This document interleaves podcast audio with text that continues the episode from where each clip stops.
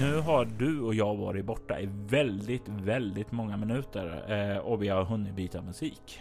Ja, nu kommer vi till eh, avsnitt tre som heter Winterburn 2. Ehm, där inleds det med en stämningstext. Eh, Sasha dyker upp hos professor Ford och hon ger honom uppdraget att utforska Amazonas efter Ritveria. Och vi har ju talat lite om det här eh, sedan tidigare att eh, det var ju bara första delen i eposspelet The Crown handlade om och det här var en flashback scen i första akten bara för att visa hur hur skedde den händelsen och vi hör ju också att det är en helt annan känsla i den här scenen mellan eh, ja, Sasha och Ford. Och det är här som liksom det visar på att börja visa på att professorn kanske inte är en hel god typ rätt igenom. Mm. Och det ger ju givetvis ekon tillbaka till den eh, situation som pågår just nu på herrgården eftersom Andrew är där med professorn. Vad kommer ske där? Alltså det det var en scen som inte skrevs alls med åtanke för den här eh, avsnittet då som vi håller på att spela då, utan eh, men det är någonting som blir väldigt passande ändå just för att lyssnaren blir varse om att det finns någonting bakom eh, professor Fords välpolerade fasad. Och det lyfter ju också upp det som har varit lite eh, eh Ja men det har funnits en underliggande känsla hela tiden om att någonting inte står helt rätt till. Även innan eh, Metusales, även innan Metusales sfär eh, introduceras. Mm. Um, men när vi har fått höra den här stämningstexten så kommer vi äntligen tillbaka till just det. Vad som händer när Andrew delar med sig av intrycken om artefakten. Och det var ungefär så långt som eh, själva e-postspelet hann komma. Det fanns två trådar i den andra akten. Dels hade vi eh, då professor Ford och hans eh, gäster som studerade det här och de hann ungefär hit eh, och sk skriva sina reflektioner om det då allting rann ut i sanden. Den andra delen handlade om eh, Sasha Mitchell som nu letade efter professor Ford och eh, hans eh, svar från den här expeditionen som han inte rapporterade till henne. Och hon hade då funnit två andra expeditionsmedlemmar. Eh, David McEvains som vi får höra mer om längre fram i kalendern som skapades av eh, Martin Westerlund och och, eh, och sedan en annan karaktär som hette Jordan Taylor som jag tyvärr inte minns vem som spelar just nu. Victoria någonting.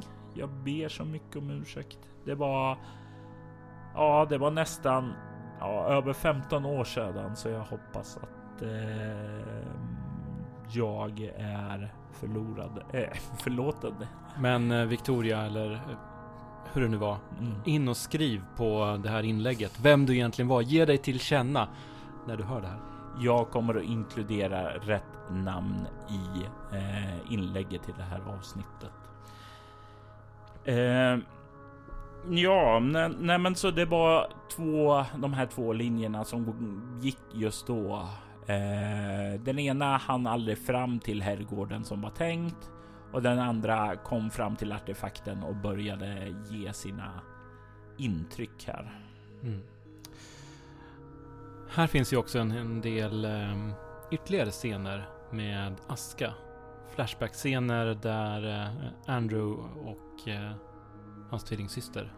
Mm. Och det är ju också, det är ju mer fördjupning av själva eh, relationen mellan dem och vi ser också här eh, hur eh, allting inte är guld och, guld och gröna skogar. Vi ser den här tonårsrebellfasen som eh, Aska befinner sig i eh, efter vad efter vad hon har varit med om och vi får inte allting svart på vitt ännu här i början då. Utan eh, vi ser bara grälet mellan dem och vad som blir kilen i deras relation. Och eh, återigen så hjälper det att ha Anna som dubbröst här för att eh, särskilja och skapa en mer djup känsla. I slutet av avsnittet så hör vi en, en röst som viskar och, och lockar och kallar på Andrew att han ska komma ner till artefakten. Vem eller vad är det egentligen? Är det Ritveria? Det är Ritveria och det här är en sån här sak som jag hade ändrat om. Eh, eller inte ändrat. Det är en sak som jag önskar jag hade haft bättre framförhållning så att jag hade kunnat eh, se till att Regina fick dubb Eh, på den. Men eh, det föll helt ur mitt minne och jag redigerade det här avsnitten innan alla de andra avsnitten som jag tänkte var Ritveria. Så det är en sak som jag saknar att eh, viskningen skulle egentligen ha eh, Ritverias sanna röst där. Men jag, jag skyller på att det är eh, genom artefakten och genom tid och rum som eh, gör det här. Så då kanske det låter lite annorlunda. Vad vet jag? Ni låter ju nästan lika, du och... Förlåt Regina, jag står inte bakom det där. Nej. Där slutar ju Andrews del i det här avsnittet. Mm. Men sen får vi möta några nya personer. Mm. Vilka är det? Det här är också som kopplar tillbaka till fördärvade främlingar som vi talade om tidigare. Och eh, den det är ju Felicia Dante, hon som vi senast i henne som vi i avsnitt 1 såg eh, bara i Hiroshima. Och eh, här ser vi henne efter händelserna i fördärvade främlingar på 1870-talet. Hon spelas då av Louise Sjöberg som du kan höra i den tredje säsongen av Dungeons and Disappointments. I Dungeons and Dis Disappointments? Ja. Ja. Di Dungeons and Disappointments. That's the pun! You missed the pun! Mm, no. Jag kunde inte bara inte uttala det. Förlåt Agnes. Ehm, och hon talar även med en vän och bekant som blivit hennes mentor, nämligen Hopp Singh som röstas av min bror Jimmy Jonsson som då även har skapat Andrew och Aska som avsnittet handlade om. Och eh, Hopsing här var eh, Jimmys egen karaktär i eh, den ursprungliga kampanjen som var fördärvade främlingar. Jag har ju talat i syndaslukarens postmortem om att eh, rollen som Agnes spelade där, eh, Emma Whitmore, egentligen var en gammal eh, karaktär som jag spelade i en annan kampanj till ett annat rollspel. Och eh, det är uppenbarligen så jag arbetar att när jag etablerar någonting som jag gillar i en annan kampanj av rollspel så snor jag det till mina egna skapelser. Fördärvade främlingar var ursprungligen en berättelse till eh, rollspelet Werewolf the Wild West. Och eh, jag skrev om den till In the Dark i, ja, någon gång mellan 2003 och 2006 tror jag. Och eh, där spelade då min bror en eh, varulv som eh, tillhörde stammen Stargazer som kom från Mel som kom bort ifrån Asien. Och eh, det ja, min bror är precis som jag eh, väldigt förtjust i pans. Eh, så Hoppsing... eh, var, var ju, det är ju därifrån namnet kommer. Hoppsing. Bara drar ju isär det. Så hoppsan sa, så var det det började där. Och eh, de här två eh, får ju då etablera bakgrunden eh, för Felicia Dante, eller rättare sagt hennes framtida inkarnation då. Emiko Nakajima som vi kommer se eh, mer av i kommande avsnitt. Ehm, det finns här också ett musikalisk tema som introduceras som ni hör nu. Och det här är väl ett av mina absoluta favorittema eh, i avsnittet. Det är någonting med Adrians Sigler, Adrian von Sieglers Aki som eh, är väldigt majestätisk och imponerande. Eh, och jag valde den då till att ha det som ett musikaliskt tema för Felicia Dante och Emiko Nakajima som så, så fort hon dyker upp där så kommer det att eh, höras och vi låter den spela lite i bakgrunden och ger Gösta lite andrum innan han går in på nästa avsnitt. Hmm.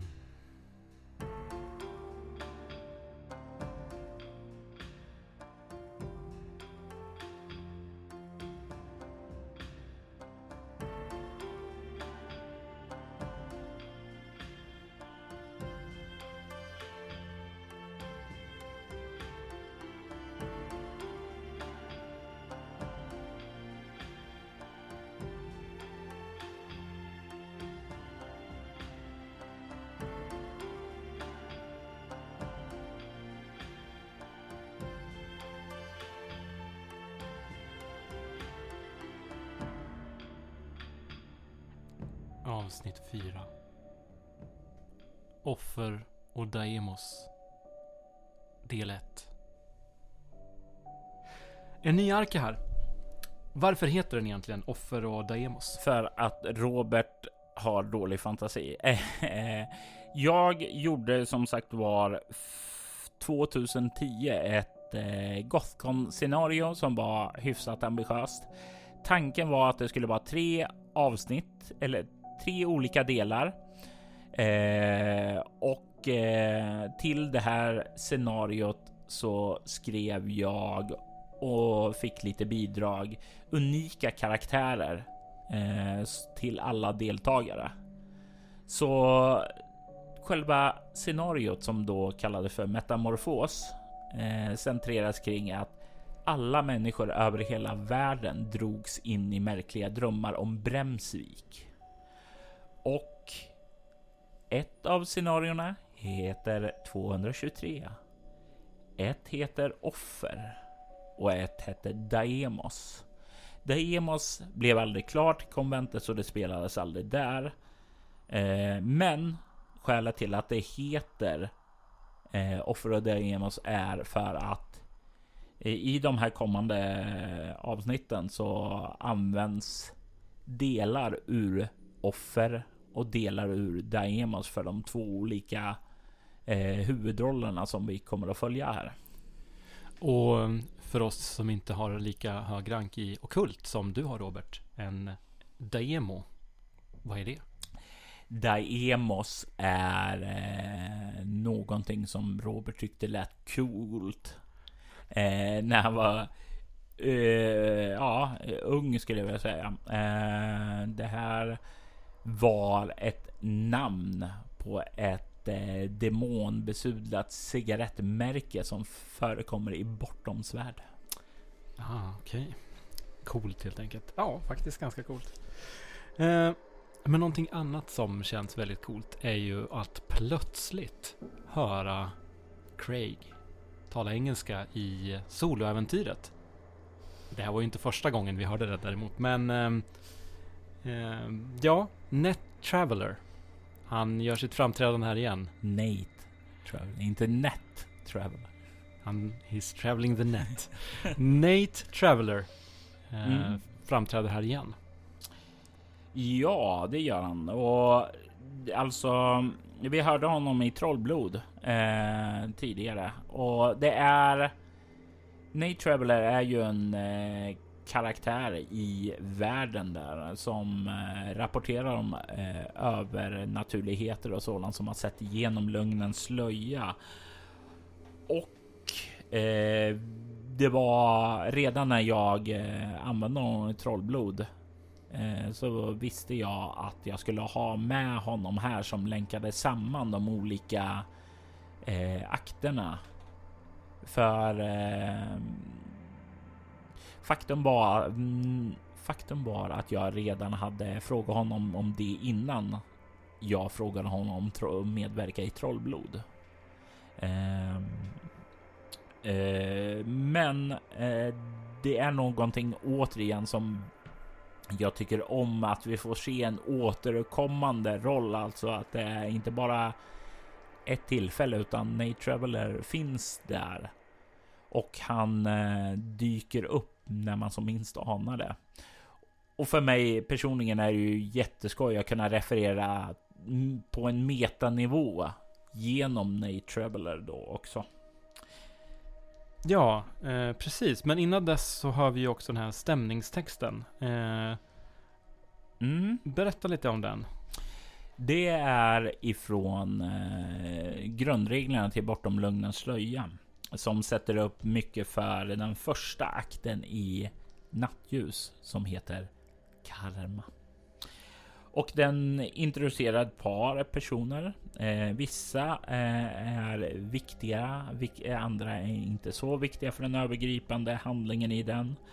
Vi ser nämligen, vi ser bland annat, vi ser Dylan Clark eh, som spelas av Per Aneskans.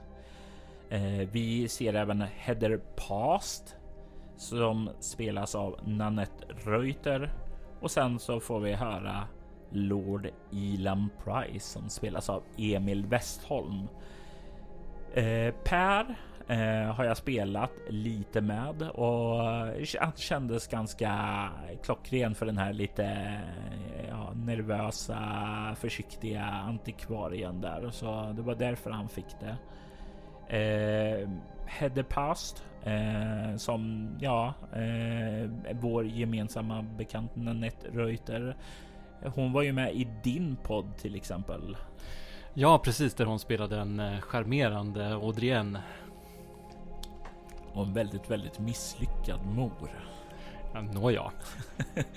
jag spelade hennes barn som blev demon därav. Eh, därav att jag besitter rätten att säga så. Eh, jo, eh, och ni kan ju höra mer av henne och det här hela i smygpodden After Dark. Ur havet komna eh, som den första berättelsen i After Dark-serien heter. Mm. Och det är ingen stor roll. Hon har två lines ungefär där, men eh, det kändes ändå roligt att peta in det där. Särskilt eftersom Past kommer vi höra mer om och eh, jag gillar också det faktum att man kan tro att eh, bara för det är en röst så betyder det inte att det kommer få någon stor roll. Men på en instinktiv plan så tänker man ju nästan så. Ja, precis. Jag känner en annan past som inte heter Heather, men eh, det är kanske en annan del av Bortom Universum. Mm -hmm.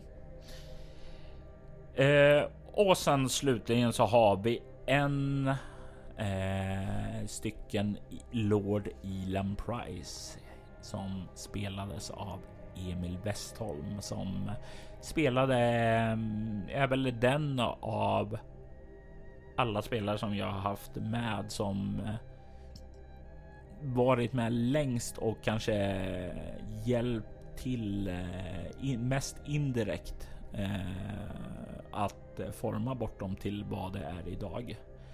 Eh, väldigt mycket feedback på regler och sådant, men även på världen i sig.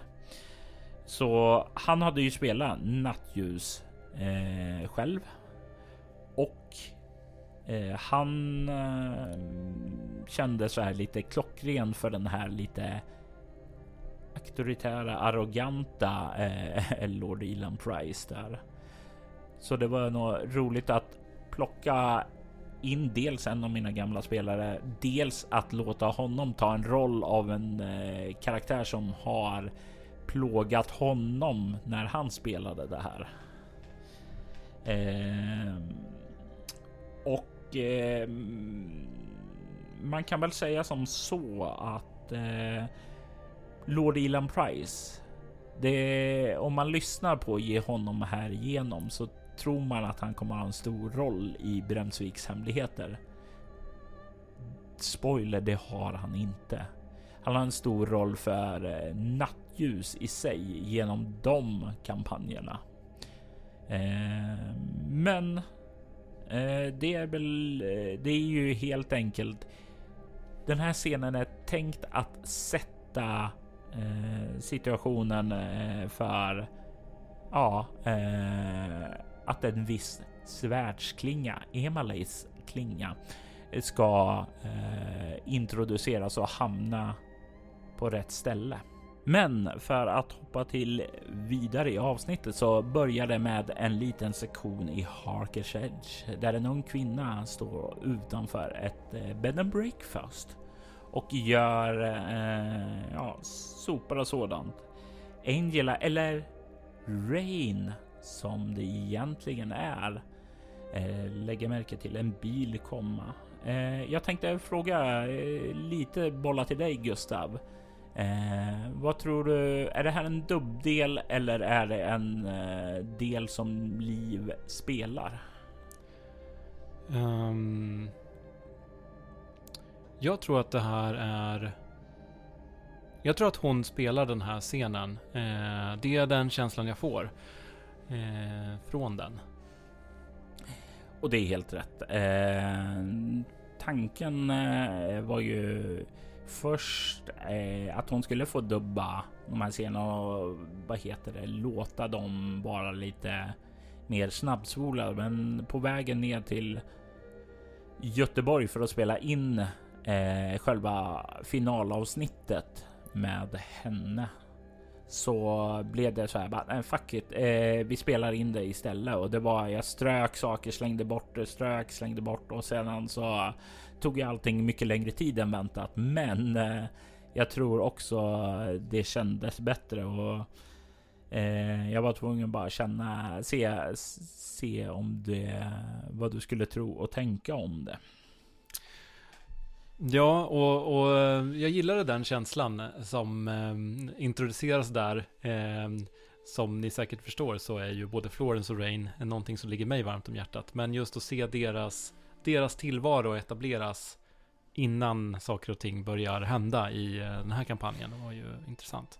Ja, och det är ju någonting som jag tycker är viktigt att etablera en rot, att eh, utgå, visa normala livet, alltså innan man eh, rycker undan där.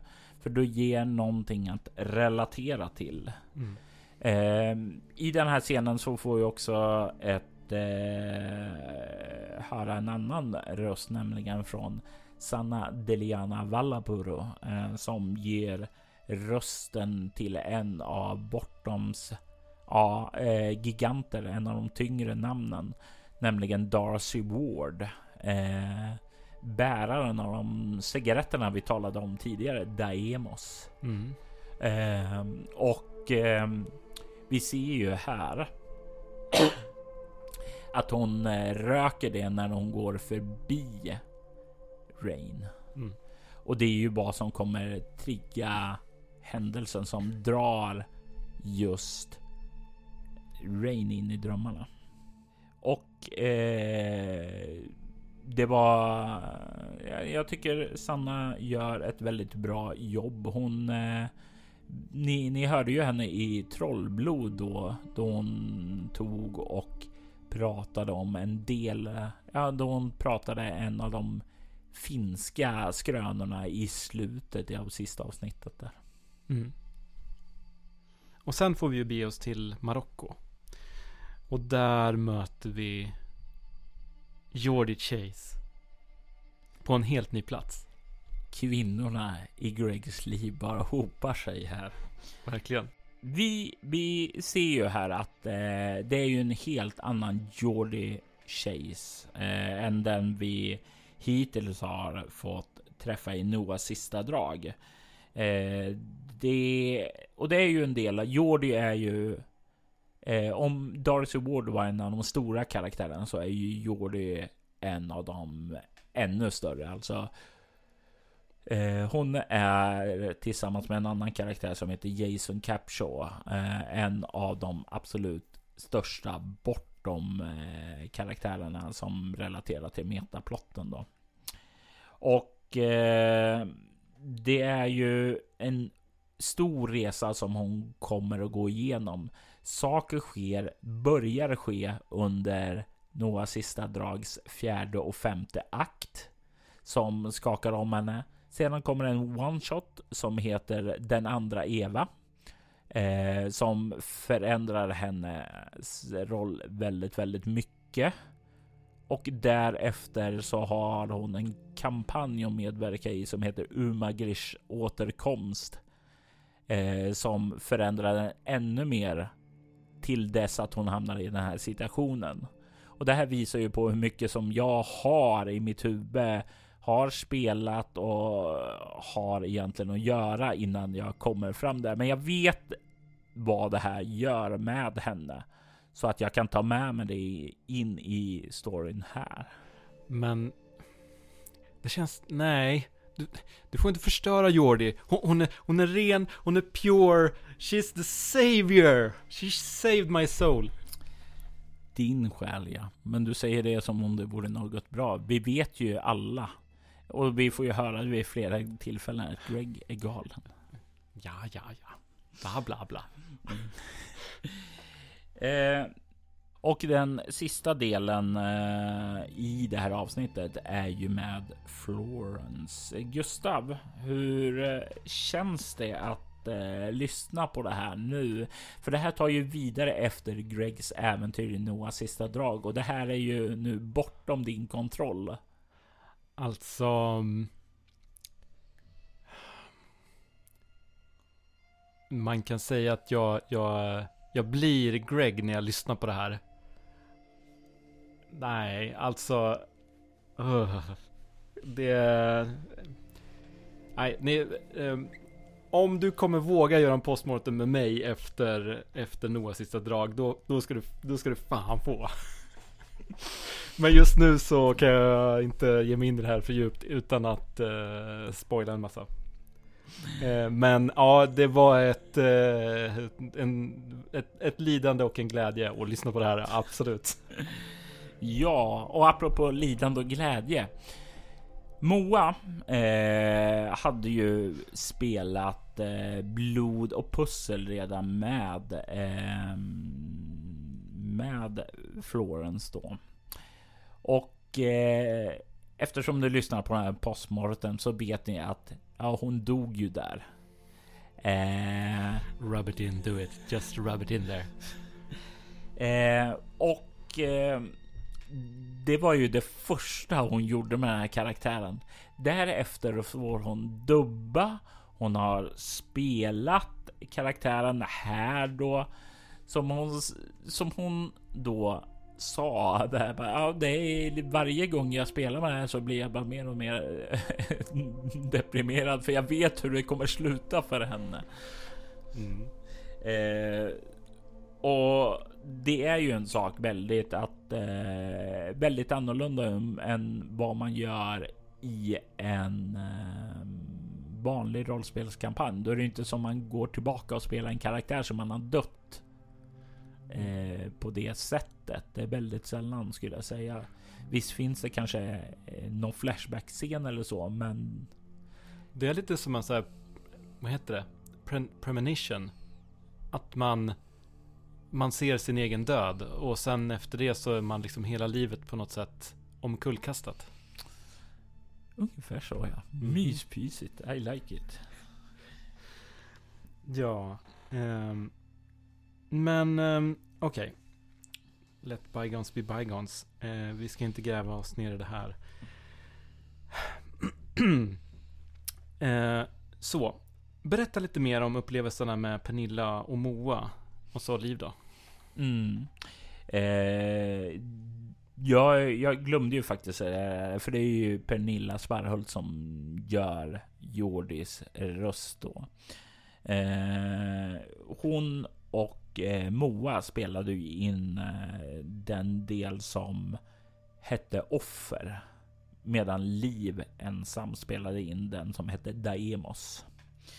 Eh, och det här är ju väldigt, väldigt eh, annorlunda dynamik att spela solospel och en grupp, även om det var två. Eh, och eh, det, alltså det, vi talade ju lite om förra postmortemen att eh, just de här solospel, det tar väldigt mycket energi och sådant eh, när man är själv och är så fokuserad. Nej, och sedan i kommande delar när de möter varandra, då får de ju spela väldigt, väldigt mycket mot varandra och då kan jag göra som traditionellt rollspel och vila istället. Så det är en stor, stor skillnad där. Eh, men tanken att jag ville ha med båda så här istället för att bara dela upp. Ja, men det här är offer. Det här är Daemos och inte ha dem i samma avsnitt. Det var ju för att jag ville låta dem bonds eh, studsa lite mot varandra så att ja, men här så ser eh, Moas karaktär så ser Florence och ja, men den här tillhör ju min dotter. Vad har hänt min dotter? Och lyssnaren då ska börja undra för att det kanske är nästa då se att ja, men det var det som hände. Men nu får jag känsla av någonting som knyter där och allt det här är ju för att bygga upp en känsla att de befinner sig på samma plats och att de springer förbi varandra. Men gjorde de verkligen det? Nej, det var två separata drömmar som de befann sig i. Mm. Och drömmar i Bortom Svärd är ju lite grann att det hämtar intryck och sådant. Och det har ofta ett budskap som du vill förmedla, men sedan det här budskapet det pyntas väldigt mycket utifrån ja, vilka som drömmer, vad de tänker på, vad som är starkt för dem. Och då är ju ja, moderns eh, jakt på sin dotter. Det måste ju vara ett tema där och Eh, och vi kommer se lite längre fram att eh, Rain även, eh, precis som sin mor tänker på sin dotter, så tänker dottern på sina föräldrar. Mm. Eh, I Livs del eh, då som är heter Daemos eh, så har vi lite nya röster då.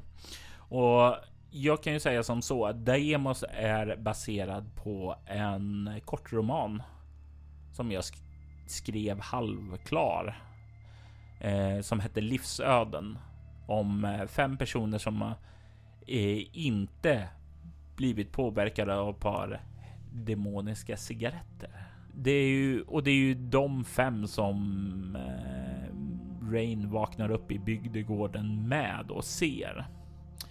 Eh, och bland de fem så är det två som eh, gör röster. Först har vi Kristina Kalin som eh, gör rösten av Johanna Jussi Hagström.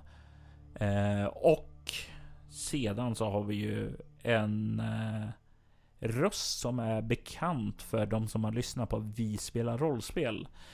I det illyriska blodet och Hinokusan så förekommer Caroline Haig. En, eh, en kvinna som gestaltades där av Mikael Medin. Eh, och han gör återkomst i det här avsnittet. Eh, sedan så typ introduceras en annan person till som kommer att vara viktig, nämligen Jenny Didannan eh, som gestaltas av Frida Fransén.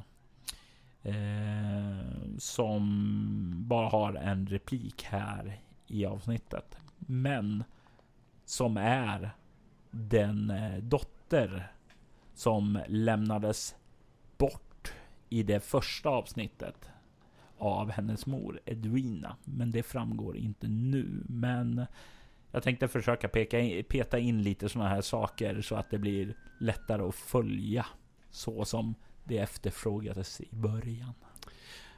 Och eh, för att, för att avsluta och för att avsluta eh, samtalet kring det fjärde avsnittet. Eh, hur tänkte du kring musiken här?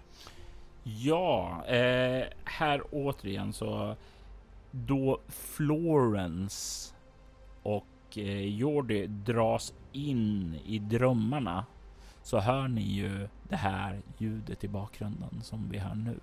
Det musikaliska temat av själsligt uppvaknande av Ritveria. För Ritveria nämns ju eh, på Jordis eh, hotellrum eh, och vi ser också någonting om döda häxan i Florence, eh, den här drömmen som drar henne in då. Och det är ju det. Det är ju då Shrines musik som får symbolisera det här. Kalenderns avsnitt 5. Offer du om oss 2. Ja, och avsnittet börjar ju där direkt dramatiskt mellan en konfrontation mellan eh, Jordi och Florence i där de vaknar upp i det här solögat då.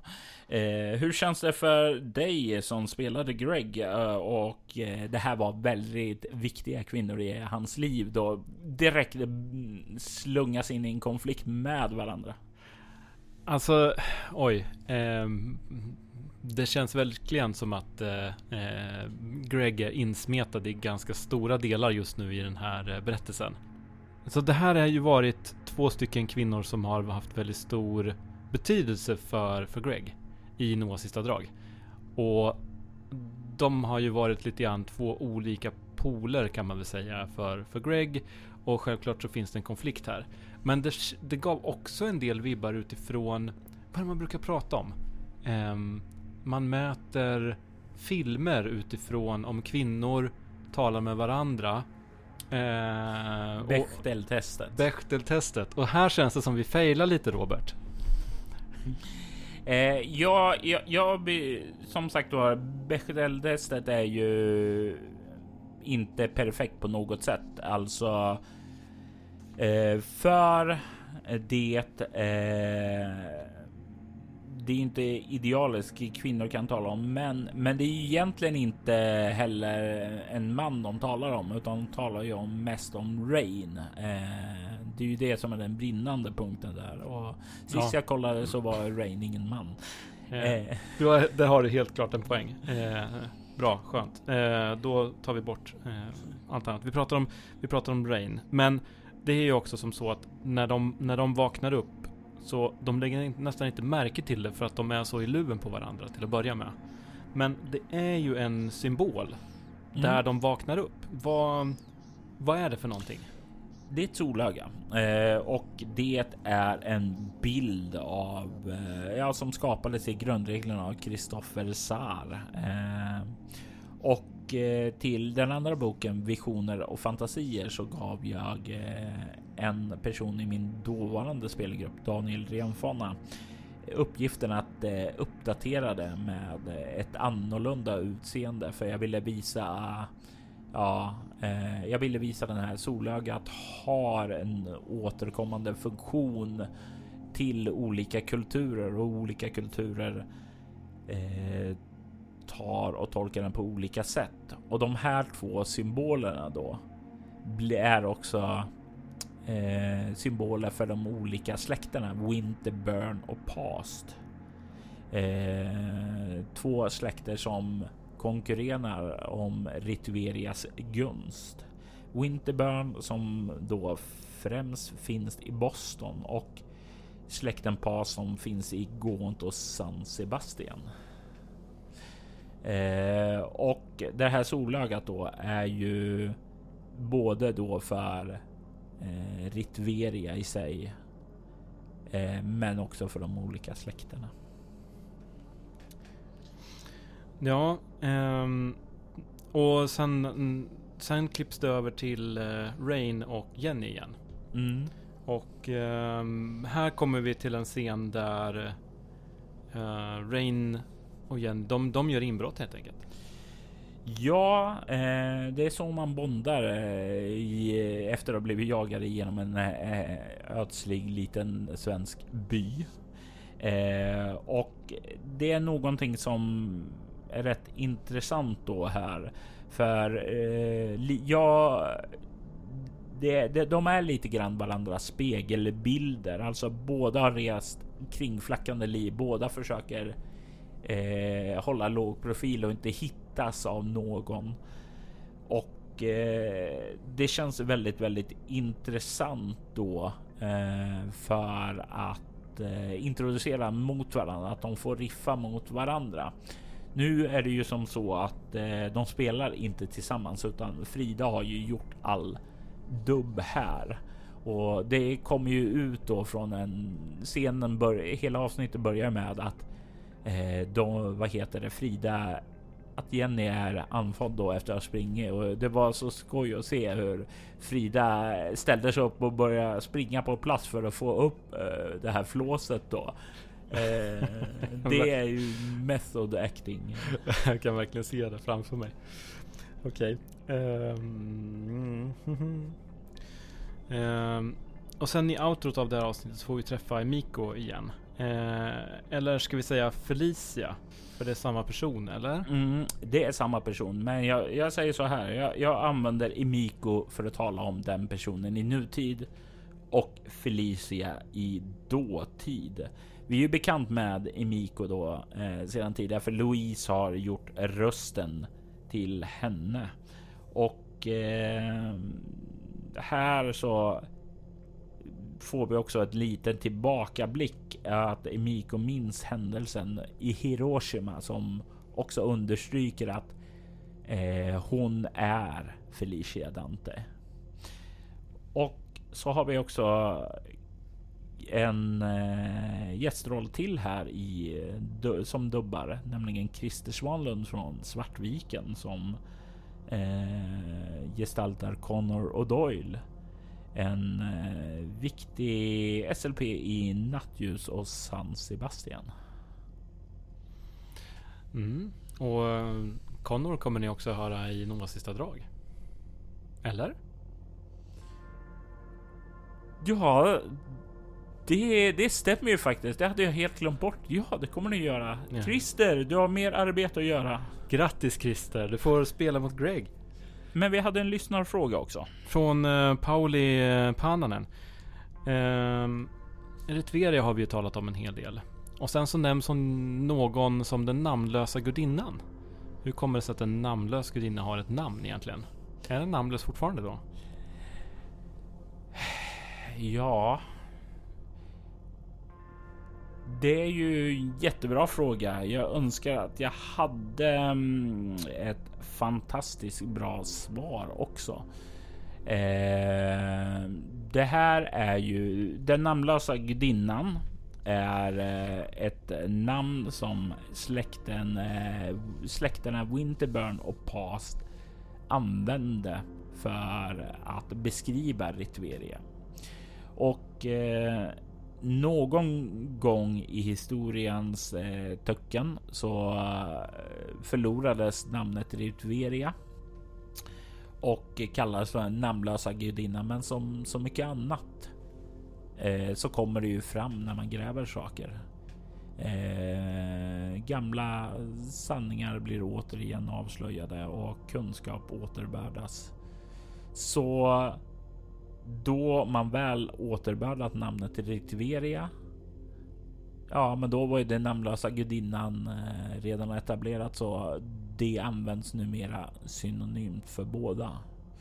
Och ja, om det här låter som en väldigt stor efterhandskonstruktion så är det exakt det det är. Bremsviks hemligheter avsnitt 6. Offer och Demos 3. Mm, jag kan inte låta bli att tänka på att kyrkklockan verkar stannat på, på 2.23. Är det där efter blixtnedslaget eller?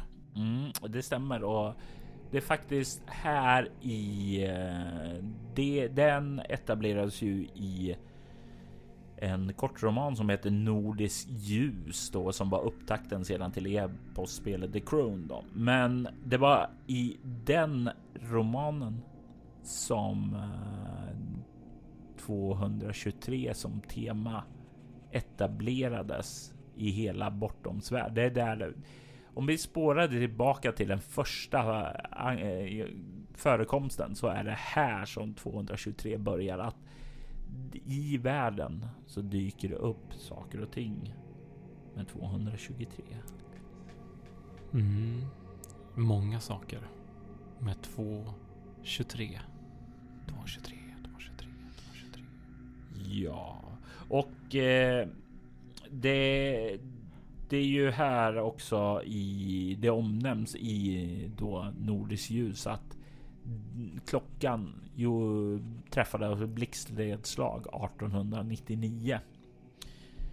Vid den tidpunkten då. Och det var ju också en händelse som var tänkt att utforskas under kalender också, men jag fann mig en bit in stående för det här faktumet att nej, fucking nej, det går inte. Det, jag har för mycket material att få in i kalendern. Jag måste börja stryka saker.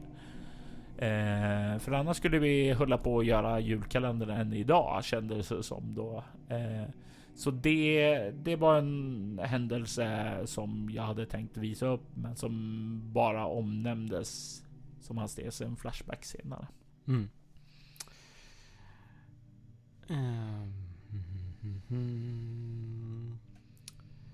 Det här avsnittet, avsnitt 6. Det finns några indicier på att eh, det inte gick helt smärtfritt med det här avsnittet, Robert. Vill du berätta? Alltså, här... Ja, jag berättade ju för om jag eh, skulle vara smart och lägga upp allting i projekt innan så det var bara att börja redigera och allting eh, skulle flyta på utan problem och allting var förberett. Det funkar så länge man inte glömmer en avsnitt, en del av avsnittet och sedan eh, när man redigerar nästa känner att men vänta, det här börjar ju väldigt, väldigt märkligt. Eh, varför börjar märkligt? Oh my god, jag har missat en avsnitt. Oh my god, det här ska ut idag. Oh my god, stress, panik, skrik, gråt och eh, bara leta efter den här förlorade delen. Hitta den, eh, slänga in den, börja redigera. Och det här är också skälet till. Eh, ja, ursprungligen så var det tänkt att sluta. Eh, vad heter det? Del. Ursprungligen så var det tänkt att eh, det skulle sluta med att Jordi ropade ut i kyrkan till Sasha och Peter då. Eh, men eh, när jag sedan då insåg att nej, det kan jag ju inte göra. Så fick jag lägga in scenen med Emiko och Juda i strid. Eh, där för att bryta av det.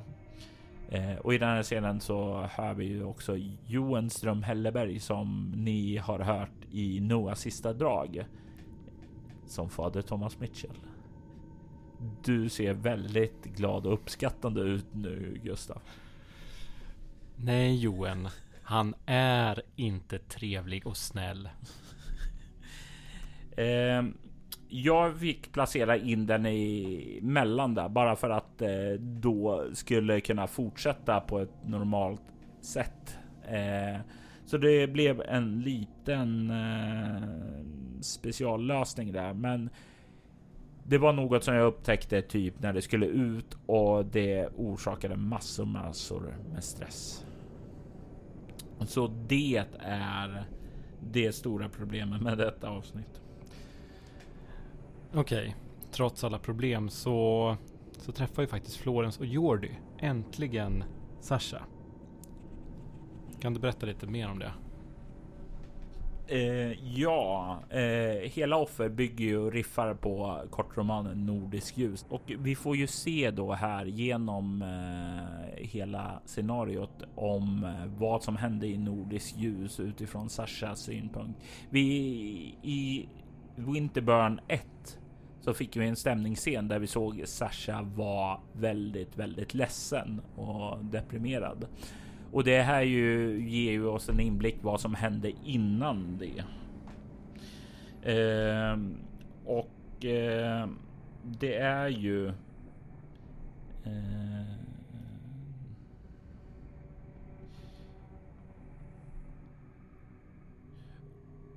och eh, även det här eh, Peters prat om myt och skrock i Bremsvik så var ju som vi talade om alldeles nyss att eh, det var ju tänkt också leda in i en scen där eh, vi skulle spela 1899 men som fick klippas bort där också.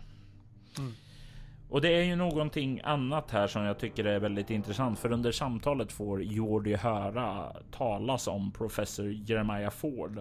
De möts aldrig, men det är ändå två sådana här personer som är viktiga i metaplotten och sådant där som eh, här visar att eh, ja, men den ena känner i alla fall till om den andra, även om de aldrig har mötts. Och det är en sån där detalj som jag gillar Eh, eftersom det, det blir liksom lite mer av en levande värld.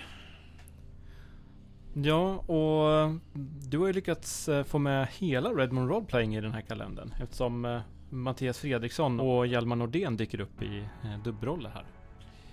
Ja, eh, och det är alltid kul att få hela trion. Jag fick ju inte med eh, Craig förra gången, eh, så han fick lite större roll än Hjalmar och eh, Mattias här.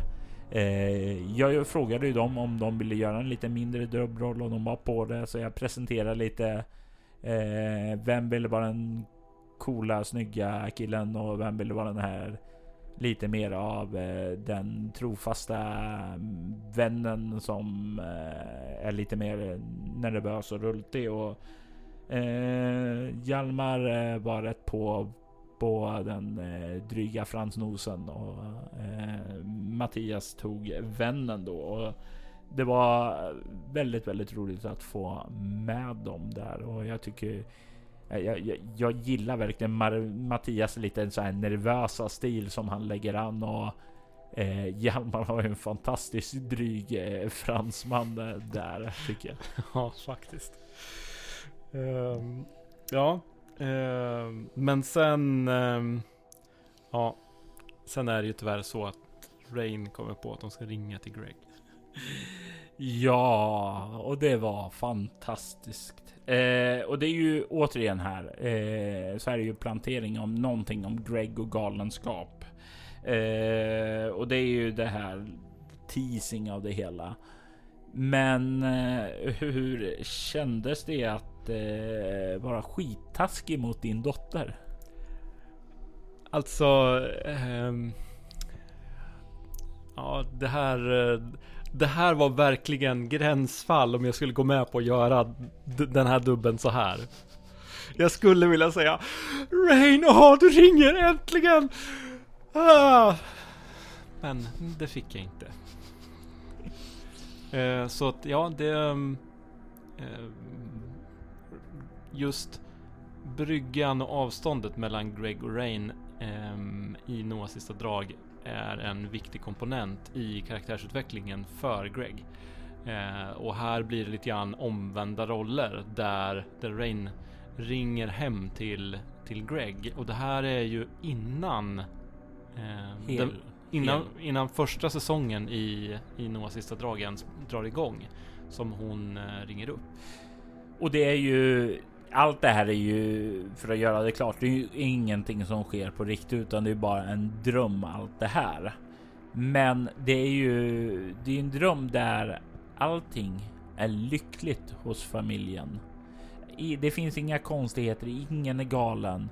Greg har inte varit uppe hos sin eh, morbror eh, och eh, varit med om alla hemskheter och eh, ja, förträngt alla minnen där utan det här är den lyckliga Greg. Och tänk dig en situation att någon ringer dig, säger sig vara sin dotter som låter äldre och eh, man ser då sin egen dotter vara ute vid matbordet.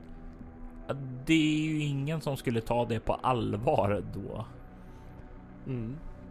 Nej, precis. Eh, särskilt inte innan man är med om en massa weird stuff. Precis, precis.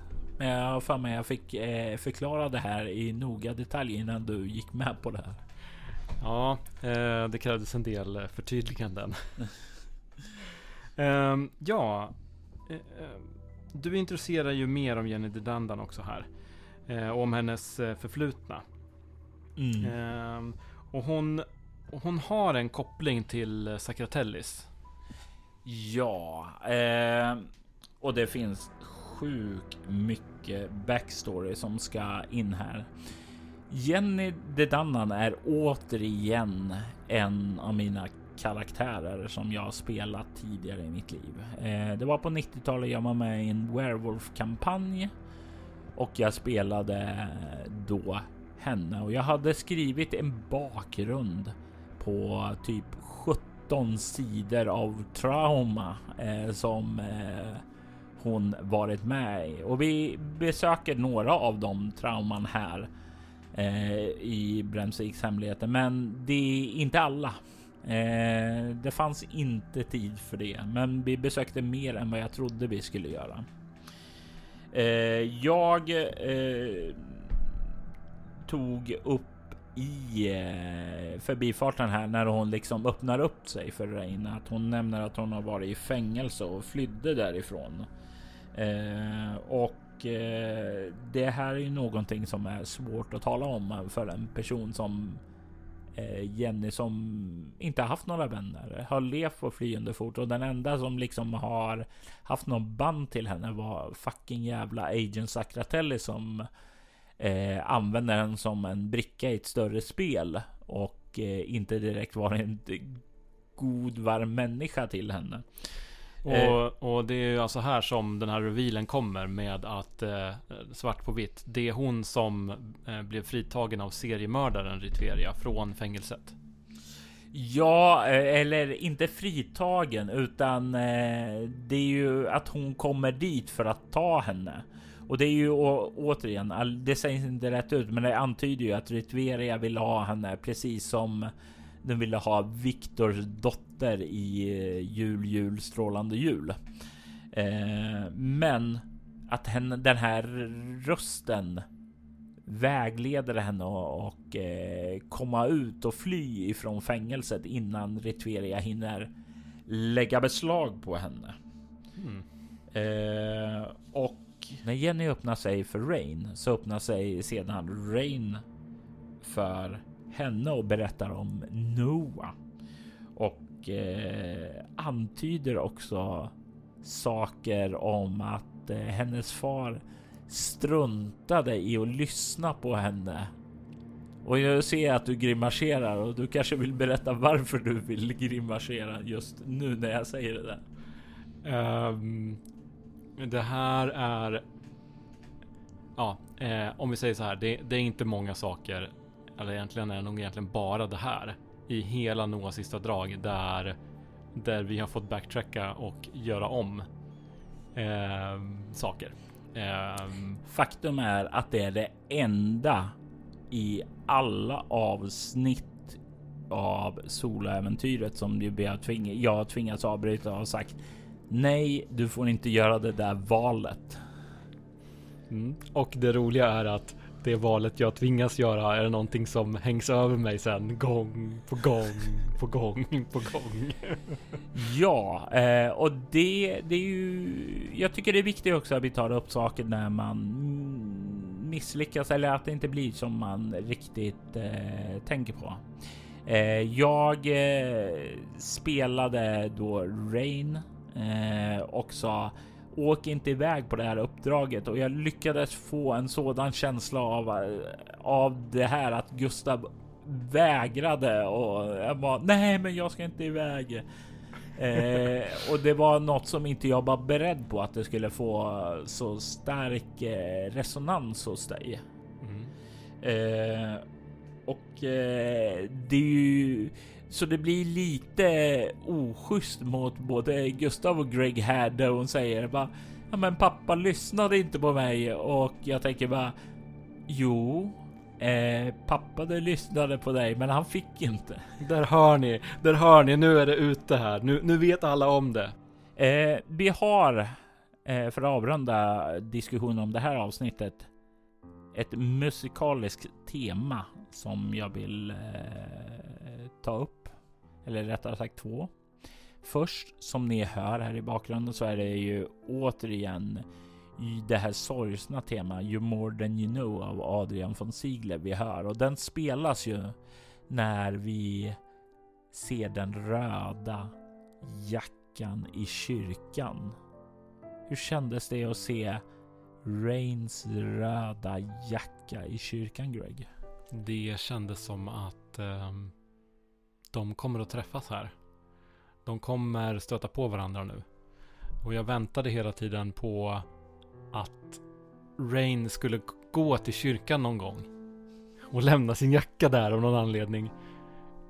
Men det blev inte så. Nej, och det är ju återigen, det är ju det, den förväntningen som jag ville ha, att man skulle tro att allting skulle sträva mot varandra. Men de befinner sig i helt olika drömmar. De rör sig inte ens i sam, ja, på samma ställe, så de kommer aldrig träffas. Men det är ju det jag vill att ni lyssnare ska tro och det är ju därför jag planterar sådana här saker. Men det är ju en fruktansvärd känsla som en mor att hitta det där. Eh, kan jag tänka mig att vad heter det, letar efter och äntligen finner och sen eh, Ja, men jag tycker Moa agerade liksom precis i linje med eh, hur jag hade gjort, eller på att säga, om jag hade varit mamman. Mm. Eh, väldigt, eh, ja, uh, usch. Uh, tur att inte jag var med i den här delen. Uh, tack för det. Varsågod, jag kan bjuda på lite efter allt drama i Noahs sista. Ja. Ja, eh, i stämningsscenen där Emiko och Juda slåss så hörs vi ju, hör ju vi Shrines musik igen och återigen här så kommer ju in i själskraften som frigörs henne och bränner den demoniska hunden till eh, aska och det är ju det är ju helt och hållet det själsliga temat som vi spelar på här. Och och eh, när striden lägger sig så hör vi ju också då i Mikos tema i form av Aki från Adrian von Ziegler. Eh, alltid lika fantastiska temat. Mm. och med det avslutas då alltså eh, avsnitt 6 och eh, vi glider vidare in i avsnitt 7 Offer och Deimos 4. Eh, och det här avsnittet öppnas upp med att eh, Rain ser en verkstad och vill eh, utforska den. Och på liknande sätt som det lyfts upp för Florence med en jacka i en kyrka så ser Rain spår här av sin, sin mor i den här verkstaden. Japp, det är ju fortsatta eh, ja, missinformationskampanjen att ni ska tro att eh, ni är på väg åt en ställe och sen så är ni inte alls det. Så hon eh, kan ju då när hon rör sig närmare dit höra den här barngråten som liksom förstärker hela känslan av att någonting är fel och det är ju den, det är egentligen den som lockar henne fram till verkstaden så att hon ser spåren av sin mor där. Ja, det känns lite märkligt med den här barngråten. Man ser inte så mycket barn i Bremsvik överhuvudtaget, men eh, här dyker det upp barngråt. Ja, och när hon eh, rör sig in i verkstaden så kommer det också eh, upp en, ett namn, Giovanni. Och båda de här är saker som relaterar till en kvinna som heter Lindsay Price. Det sägs inte i podden, utan det är en av de fem kvinnorna som hon vaknar upp i, i bygdegården. Jag tror jag benämner henne som den europeiska kvinnan bara. Eftersom hon inte interagerar någonting med det får hon inte veta någonting om den backstoryn.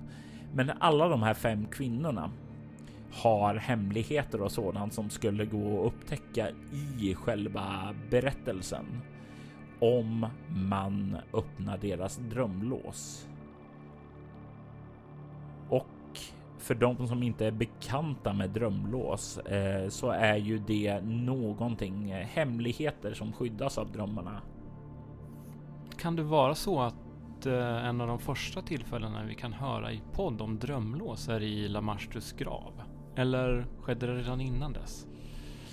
Eh, det nämns definitivt drömlås i Lamastus grav som spelades i Svartviken och det är nog mycket troligt. Eh, för det var gjort innan eh, innan soläventyrets syndaslukaren då. Så det. ja, det stämmer nog. Mm. Eh, de här drömlåsen då eh, låses upp av olika ja, kunnande, av olika erfarenheter, av olika färdighetsnivåer eller minnen och sådant där. Och just att eh, vi får höra barngråten och eh, se Giovanni har att göra med att Rain hade rätt färdigheter för att de skulle tryggas. Hon, det fanns fler som hon skulle kunna upptäcka. Jag tror det var två andra som hon uppfyllde kraven för, men hon valde på rätt ställen för att de skulle aktiveras. Hade en annan person varit där så hade de kunnat få. Ja, eh, få eh, uppleva andra händelser. Eh, Jenny hörde ju till exempel inte barngråten och det var därför hon inte uppfyllde kraven för att höra, höra det. Mm. Mycket intressant oneiromanti här helt enkelt. Ja, oneiromanti, konsten om att segla i drömmarna. Eh, men innan hon kommer fram och ser det här Giovanni så rör hon sig in i huset och hon ser en bok som heter Myt och skrocker i Bremsvik ligga på ett bord och hon plockar upp den. Och då får hon en vision av sin mor som sitter bakom en ratt och det spelas dundrande hårdrocksmusik i bakgrunden. Hur hon börjar eh, åka mot en kyrka. Hur kändes det? Är, är det här alltså scenen som Moa gör när hon eh, stöter på Ritveria? Ja, det och det är något som dyker upp i nästa avsnitt som jag tagit därifrån och klippt det och lagt tillbaka. Jag hade spelat in Moas avsnitt före och här så lät jag henne få en vision av det. Och jag tog då material därifrån och klippte in det här. Mm. Eh, Okej, okay. stämningsscen mellan eh, Connor och Ritveria. Eh, den som, som också finns, den, den här stämningsscenen som också finns i det här avsnittet mellan Connor och Ritveria. Eh, varifrån kommer den? Det är från grundreglerna Lugn och slöja då. Eh, det här är en av få ordentliga talscener för Ritueria.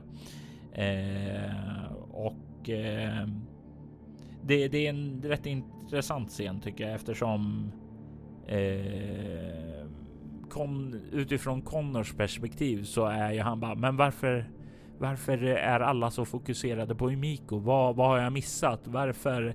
Och jag måste eh, under, hålla ett öga på henne nära och noga. Och det är ju återigen som här lite grann ett villospår för lyssnarna som ska tänka okej, okay, det kommer att handla om Emiko och hon kommer att spela en stor roll. Och hon spelar en väldigt stor roll i nattljus.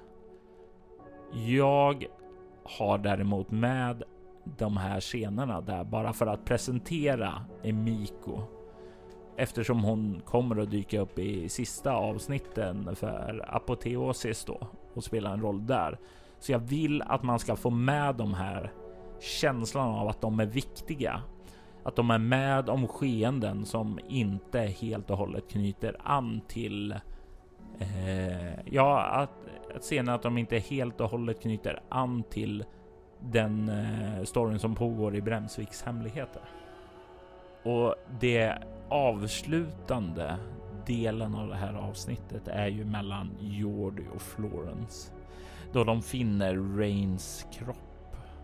Och det här är en sån vacker scen. Det är så emotionellt mellan Moa och Pernilla med det liksom det här grälet eh, som uppstår mellan dem. Alltså att eh, eh, det, det är eh, modern som sörjer sitt barn, sitt döda barn som hon håller i sin famn och eh, hon skyller allting. Ja, men det var ert fel, ert fel i Faith och eh, Jordi, vad heter det, hennes eh, ja, hon hade lovat Greg att skydda skydda Rain. Men eh, då hade modern tagit henne och stuckit så hon fick aldrig chansen att göra det och båda utifrån sina perspektiv. De har helt rätt att skrika ifrån. Och just den här när de går emot varandra, att skär sig däremot. Det är någonting som jag eh, är väldigt, väldigt ja, gillande till. Men jag stör mig på att det är en del missar med dubbla repliker och så här och det är sånt där jag känner att det borde ha suttit. Men jag minns vid spelbordet här att eh, Moa skickade ett sms till dig. Kommer du ihåg situationen när du fick det? ja, um, you want a deal? Uh, Moa skriver till mig. Robert mördade vårt barn. Dödskalle. Jag är upprörd. Och jag svarar What? That's fucking far from okay.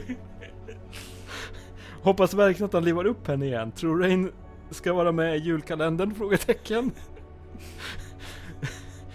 ja, um, mm. Det här um, kändes som att det borde vara någonting konstigt här. Och det är ju någonting konstigt också. Ja, och det är ju, vi får ju veta det mer i nästa avsnitt. Men det är ju verkligen den här emotionella cliffhangern eh, som eh, jag vill lämna hos lyssnaren. Och det är ju då här vi har det musikaliska temat med You're more than you know. Det här sorgetemat som verkligen ska understryka eftersom vi har hört det vid sorgsna situationer nu som ska liksom spä på. Vi ska börja bli indoktrinerade när vi hör den här låten. Då är det ledsamt, då är det sorgsen. Ja, och dessutom så har ju redan liksom lagt in på massa ställen. Jack, jackan i kyrkan, känslan av att Florence är i verkstaden, alltihopa. Det här är på samma liksom grej. Och sen så klipper du över till, till till Rain i nästa avsnitt och liksom bara fortsätter. Man bara, ha, men det måste vara något tidshopp här. Eh, hon kommer snart dö. Nej. Uh, uh, varför ska du fucka med min familj, Robert? Eh, det här hade ju inte hänt om Greg hade varit ansvarsfull och stannat hemma. Ja, point proven. Anyway, eh, så vi lägger ner nu, eller vad säger du? ja, vi tar en, vi tar, jag tycker vi tar en liten paus igen. Eh, det har vi förtjänat efter nästan två och en halv timmas inspelning och kommit till avsnitt sju. eh, och eh, vi återkommer alldeles snart. Ja. Du har lyssnat på postmortem avsnittet för Bremsviks hemligheter med mig, Robert Jonsson och Gustav Ruthgård. Musiken i detta avsnitt var Cryo Chambers Dark Ambient 2015. Adrian von Sieglers Aki och You're More Than You Know samt Shrines Pyr. Cryo Chamber och Shrine ges ut av Cryo Chamber Och letar du efter bra stämningsmusik till dina rollspelssessioner så är det här som jag rekommenderar att du spanar in för det finns så mycket passande musik här. Du hittar länk till dem i avsnittets inlägg. Soläventyret är en actual play podcast där vi spelar rollspelen Bortom och Leviathan. Tack för att du har lyssnat.